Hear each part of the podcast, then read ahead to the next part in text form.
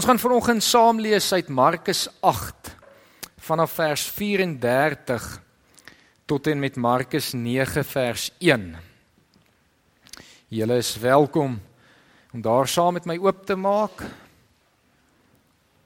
Markus 8 vers 34 tot Markus 9 vers 1.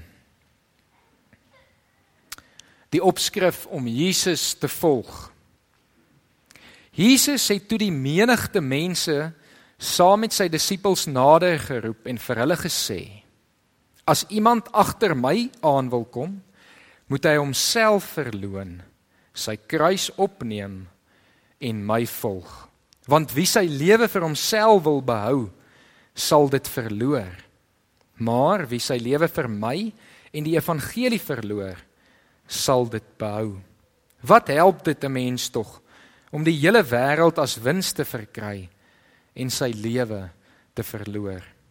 Wat sal 'n mens kan gee in ruil vir sy lewe?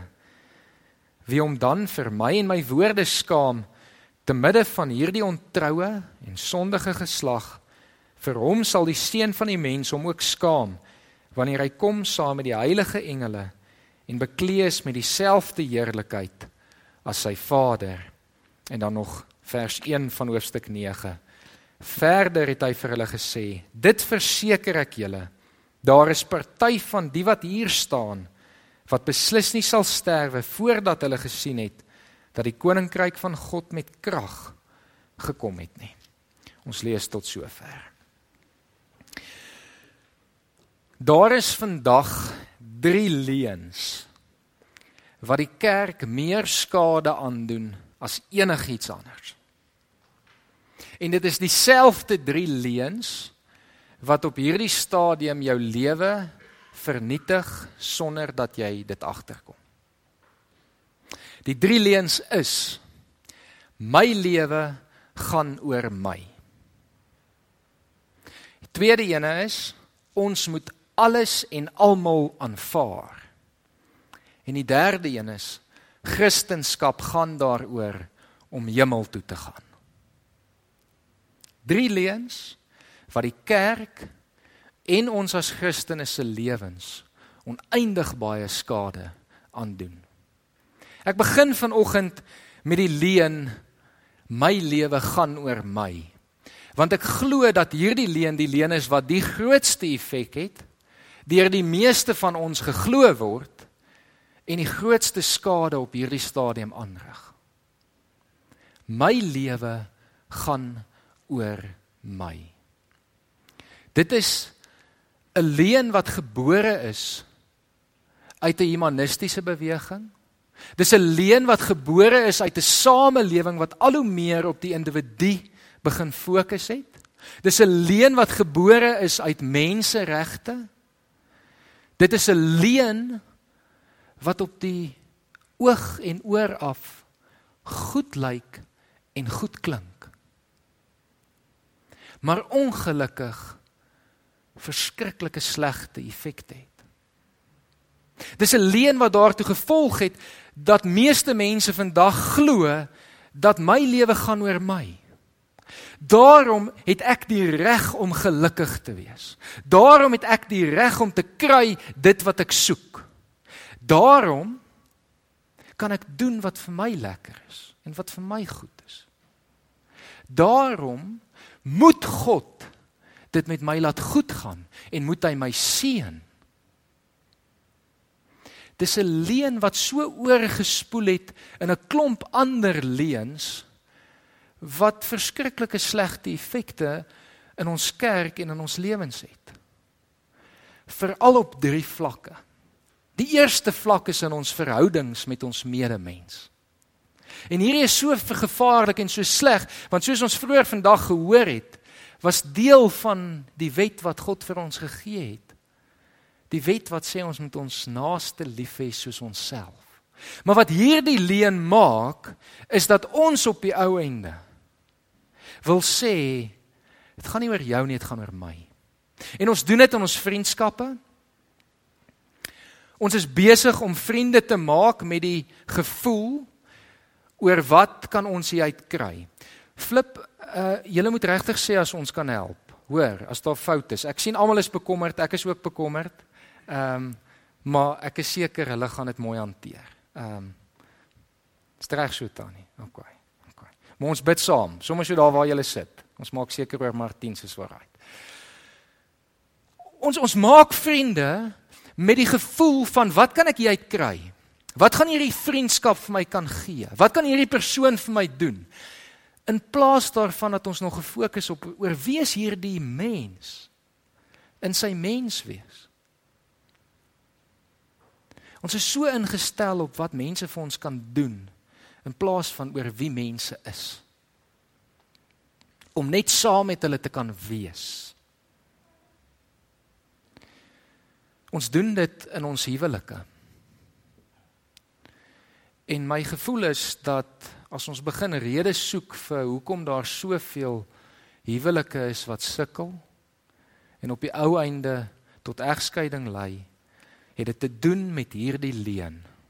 Mense wat sê maar ek moet gelukkig wees en daarom in hierdie verhouding is dit jou werk om my gelukkig te maak.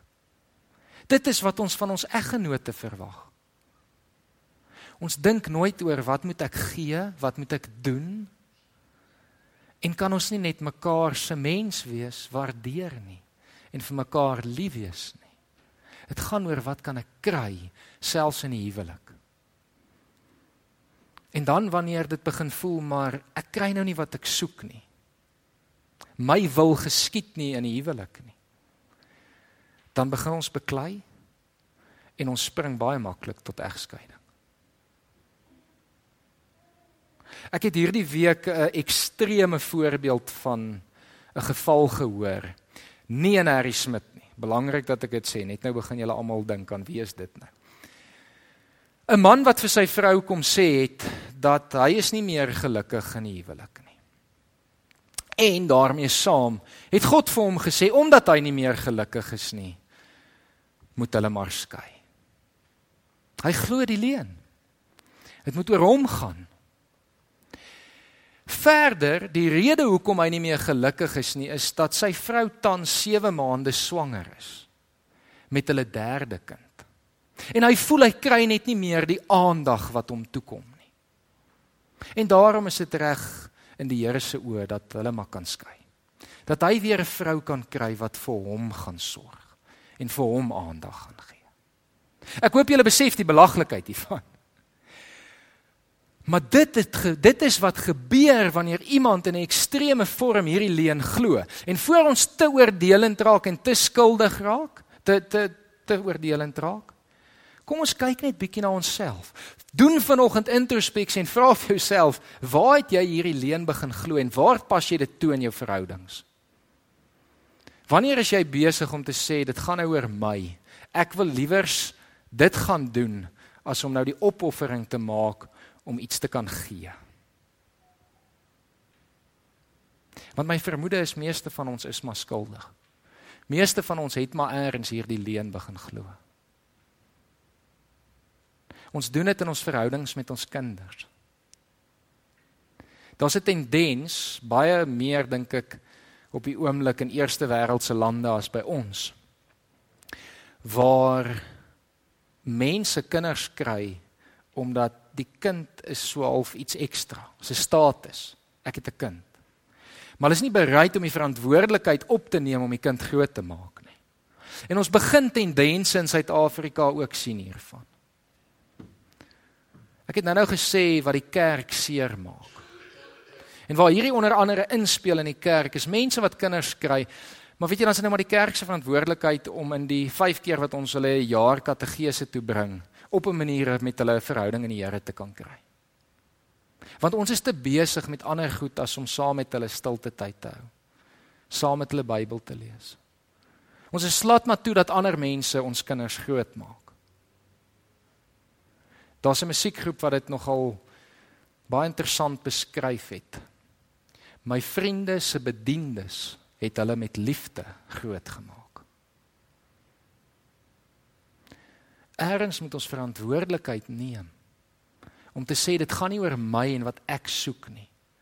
Maar in my verhoudings, veral met my vrou of my man en met my kinders, moet ek tweede kom. Ek kan nie meer myself eerste stel nie. Ek moet in myself begin sterf. Die tweede vlak waar hierdie ongelooflike skade aanrig is in die maniere ons geld spandeer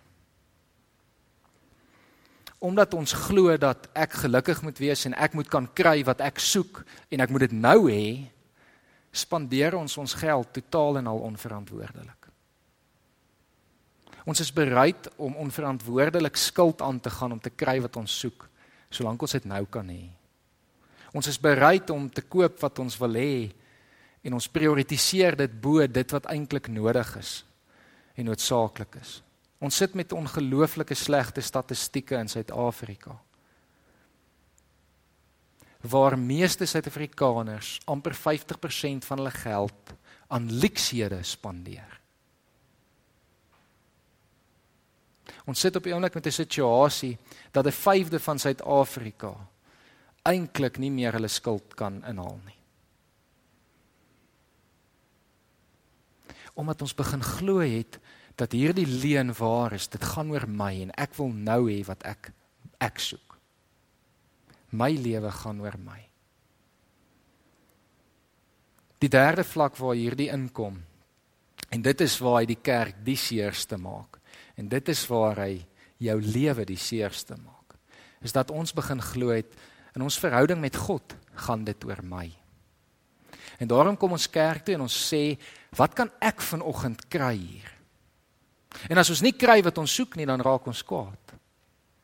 As ons ongelukkig oor daai liedjie wat gespeel of gesing was, oor dit wat die dominee gesê het, oor daardie persoon wat 'n opmerking gemaak het. Ons kom sit in die kerk en ons sit in ons verhouding met die Here en al wat ons vra is, wat kan hy vir my gee? Wat kan hy vir my doen? Meeste van ons gebede verklap dit. En dan glo ons die Here moet ons seën. Die Here moet dit met ons laat goed gaan. Ons dien hom dan. En dan wanneer dit nie gebeur nie en dinge begin skeefloop in 'n wêreld wat gebroken is en ons eintlik niks anders kan verwag nie, dan raak ons kwaad vir God. En dan sê ons, hoekom laat hy dit met ons gebeur? Hoe laat hy dit toe? Dit moet dan met my goed gaan. Ons almal het hierdie leuen begin glo. Maar nêrens het Jesus hierdie leuen gesê nie. Wat het hy regtig gesê? Wat hy regtig gesê het is dit wat ons vanoggend gelees het. Hy het gesê as jy agter my wil aankom, gaan jy jouself moet verloon. Jy gaan jou kruis moet opneem en jy gaan my moet volg. Jesus beloof eintlik net swaar kry as jy hom volg. Hoe is dit dan moontlik dat ek en jy hier sit en glo hy moet dit met ons laat goed gaan? Want ons het 'n leuen begin glo wat net nie die waarheid is nie. Die waarheid is, Jesus het gesê as jy agter my wil aankom, gaan dit met jou swaar gaan. Gaan mense jou vervolg, gaan mense jou beledig. Jy's in 'n gebroke wêreld waar die wolwe agter jou gaan aanwees. Hy het nie gesê dit gaan met jou goed gaan nie. Inteendeel het hy hoeveel mense weggewys en gesê ek het nie eers 'n blyplek nie. Is jy seker jy wil my volg? Ek kan nie eers vir jou 'n blyplek gee nie. So ons kyk na hierdie woorde wat hy gebruik. Die eerste woord oor dat as jy agter hom wil aankom moet jy homself verloon is die woord wat gebruik word in die Grieks 'n woord wat beteken jy moet jouself totaal en al ontken. Dis dieselfde woord wat gebruik word wanneer Petrus Jesus verloon. As hulle hom vra, "Ken jy vir Jesus?" dan antwoord hy: "Nee." Met ander woorde, Jesus sê, "As jy agter my wil aankom en iemand vra vir jou, vul jou eie naam nou hier in. Ken jy Ulrich?" Dan antwoord ek: "Nee." Ek ken nie Ulrich nie. Ulrich bestaan nie meer nie. Ulrich het gesterf. Al wat ek ken is Jesus Christus. En daarom is my behoefte nie wat soek Ulrich nie, maar wat soek Jesus. wanneer ek in my verhouding staan, wanneer ek my geld spandeer en wanneer ek kerk toe kom. Wat soek Jesus? Nie wat soek ek nie. Hy gaan verder. En dan sê hy hierdie ongelooflike sing. Want wie sy lewe vir homself wil behou, sal dit verloor, maar wie sy lewe vir my en die evangelie verloor, sal dit behou. Wat sê Jesus eintlik? Hy spreek hierdie leuen aan. Hy sê dit so baie duidelik. As jou lewe oor jou gaan gaan, oor wat ek soek, my behoeftes, wat ek graag wil hê, gaan jy jou lewe verloor. Die woord wat eintlik hier gebruik word vir verloor, kan ook vertaal word met vernietig. As jy jou lewe oor jouself gaan laat gaan, gaan jy jou lewe vernietig. En ongelukkig daarmee saam 'n klomp ander mense sin ook waarvan ons nou-nou eintlik klaar 'n paar voorbeelde gehad het. As jy jou lewe oor jouself laat gaan, gaan jy jou lewe vernietig. Maar as jy bereid is om jou lewe te verloor, as jy bereid is om hierdie stap te neem en te sê dit gaan nie meer oor my nie, dan gaan jy 'n lewe vind wat die moeite werd is om te leef. Gaan nie noodwendig maklik wees nie, maar dit gaan die moeite werd wees vir waar die uiteinde van daardie lewe lê, want dit is 'n ewige lewe. Die tweede leuen wat ons vandag glo is die leuen van ons moet almal en alles aanvaar. Dis 'n leuen wat op die oomblik verskriklik sterk in die kerk groei. 'n Leuen van inklusiwiteit. En alhoewel daar weer eens ongelooflik baie meriete is, is nie alles waar nie. C.J. Langehoven het gesê dat die beste leuen is 99% waar. En in hierdie geval is dit baie baie sterk so. Want in hierdie hele sin is daar net een woord wat nie waar is nie. Ons moet almal en alles aanvaar. Al wat nie waar is nie, is alles. Want dit is so dat Jesus inklusief was en almal aanvaar het. Maak nie saak wie hulle was nie, maak nie saak wat hulle gedoen het nie en van hulle het regtig erge goed aangevang. Het hy gesê julle is welkom. Maar hy het nie alles aanvaar nie. Hy het nie sonde aanvaar nie. Hy het gesterf en sonde vrygespreek. Maar hy het dit nie aanvaar nie.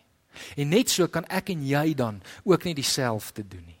Ek en jy kan nie gaan en sê ons aanvaar maar net alles nie. En vanoggend sê ek hierdie nie sodat ons nou kan gaan en sê, "Haha, nou weet ek wie ek vanmiddag gaan kan bel en sê, hoor jy ek aanvaar jou, maar jy moet nou dit stop." Dis nie skiet goed wat ek vandag vir jou gee nie. Ek sê hierdie vandag sodat ons as gemeente en julle as individue kan gaan introspeksie doen om te sê waar het ek in my lewe, waar het ons as gemeente begin om goed te aanvaar wat nie die waarheid is nie. Want die waarheid is eksklusief.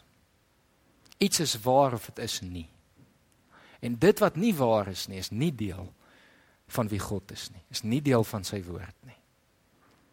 Nou ja, vanoggend kan hierdie op baie goed van toepassing wees. Dit kan op baie toepassing wees van gesprekke op die oomblik in die kerk. Maar vanoggend is dit nie die fokus nie. Die fokus is op ons as gemeente En die fokus is op jou as individu wat sekere goed in jou lewe moet verander. Die derde leen is Christendom gaan daaroor om hemel toe te kan gaan. Ongelooflik baie mense as jy hulle die vraag vra en klomp navorsing het hierna al uitgewys. Hoekom is jy 'n Christen? Dan sal hulle antwoord want ek wil hemel toe gaan. Of erger, ek wil net nie hel toe gaan nie. As jy dink dit is waaroor Christendom gaan, maak jy 'n enorme fout. Wanneer Jesus in hierdie gedeelte praat, dan noem hy nie een keer die hemel nie. Nie een keer nie. Hy sê nie volg my sodat jy kan hemel toe gaan nie.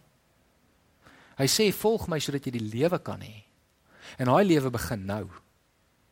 Nie eendag nie, nou. daarmee saam sê hy dan As jy my wil volg, moet jy jou kruis opneem. Christendom gaan daaroor dat ek en jy bereid is om diensbaar te raak, om Jesus te volg, om hom te dien, om 'n kruis op te neem. En wat is die simbool van die kruis gewees toe Jesus hierdie genoem het? Swaar kry, lyding. Jy moet bereid wees om dit wat dit jou gaan kos om Jesus te volg, op te neem en aan te gaan. En as die kostes vir jou te veel is, moet jy uitklim. Christendom gaan nie daaroor om hemel toe te gaan nie. Christendom gaan daaroor dat God se koninkryk nou sigbaar moet word.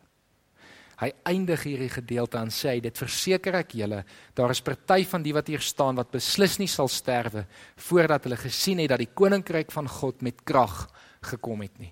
Wanneer kom die koninkryk van God met krag? Wanneer ek en jy bereid is om ons kruise te dra, bereid is om aan onsself te sterf, bereid is om Jesus te begin dien, dan begin mense God se koninkryk in my en jou lewens sien. In my en jou doen en late. Ons as gemeente hier in Harry Smit moet dit ons fokus begin maak. Ons fokus moet wees nie wat kan ons kry nie, maar wat kan ons gee? Hoe kan ons God verheerlik elke oomblik van elke dag? En mag dan hierdie volgende deel waar wees.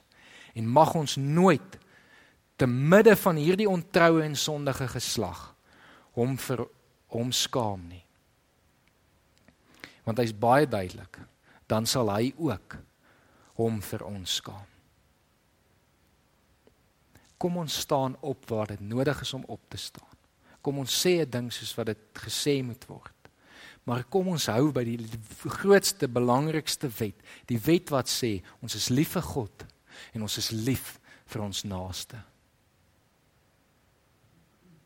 As ons dit gaan doen, dan sal God se koninkryk sigbaar word.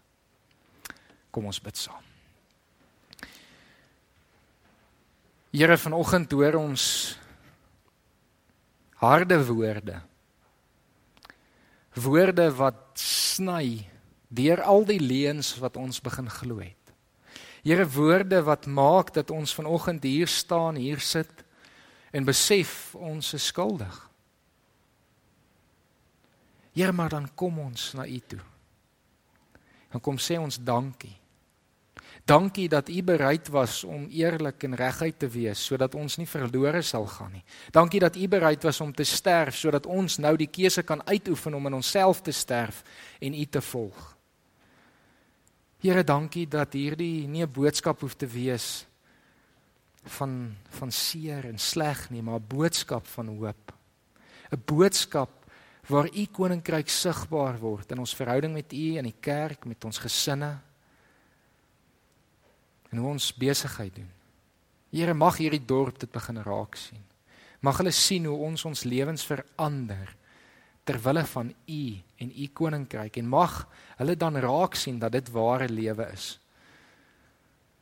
Dat ware lewe slegs te vind is by U. Here ons wil vanoggend vir soveel dinge kom bid, Here. Ons kom bid vir ons gesinne, ons kom bid vir ons huwelike. Ons kom vra dat U daar sal wees, Here. Ons kom vra dat U deur U Gees deur u liefde ons sal aanspreek wanneer ons dit oor onsself laat gaan. Here ons wil kom bid en vra daar waar mense op die oomblik seer kry, sukkel, swaar kry. Here dat u daar sal intree. Dat u hulle sal help. Here dat u ons sal gebruik as medegelowiges om te ondersteun en om raad te gee en om te begelei. Here mag ons instrument, instrumente in u hande wees. Here dankie dat u vir ons so lief was mag ons in hierdie liefde gaan aanhou leef. Amen.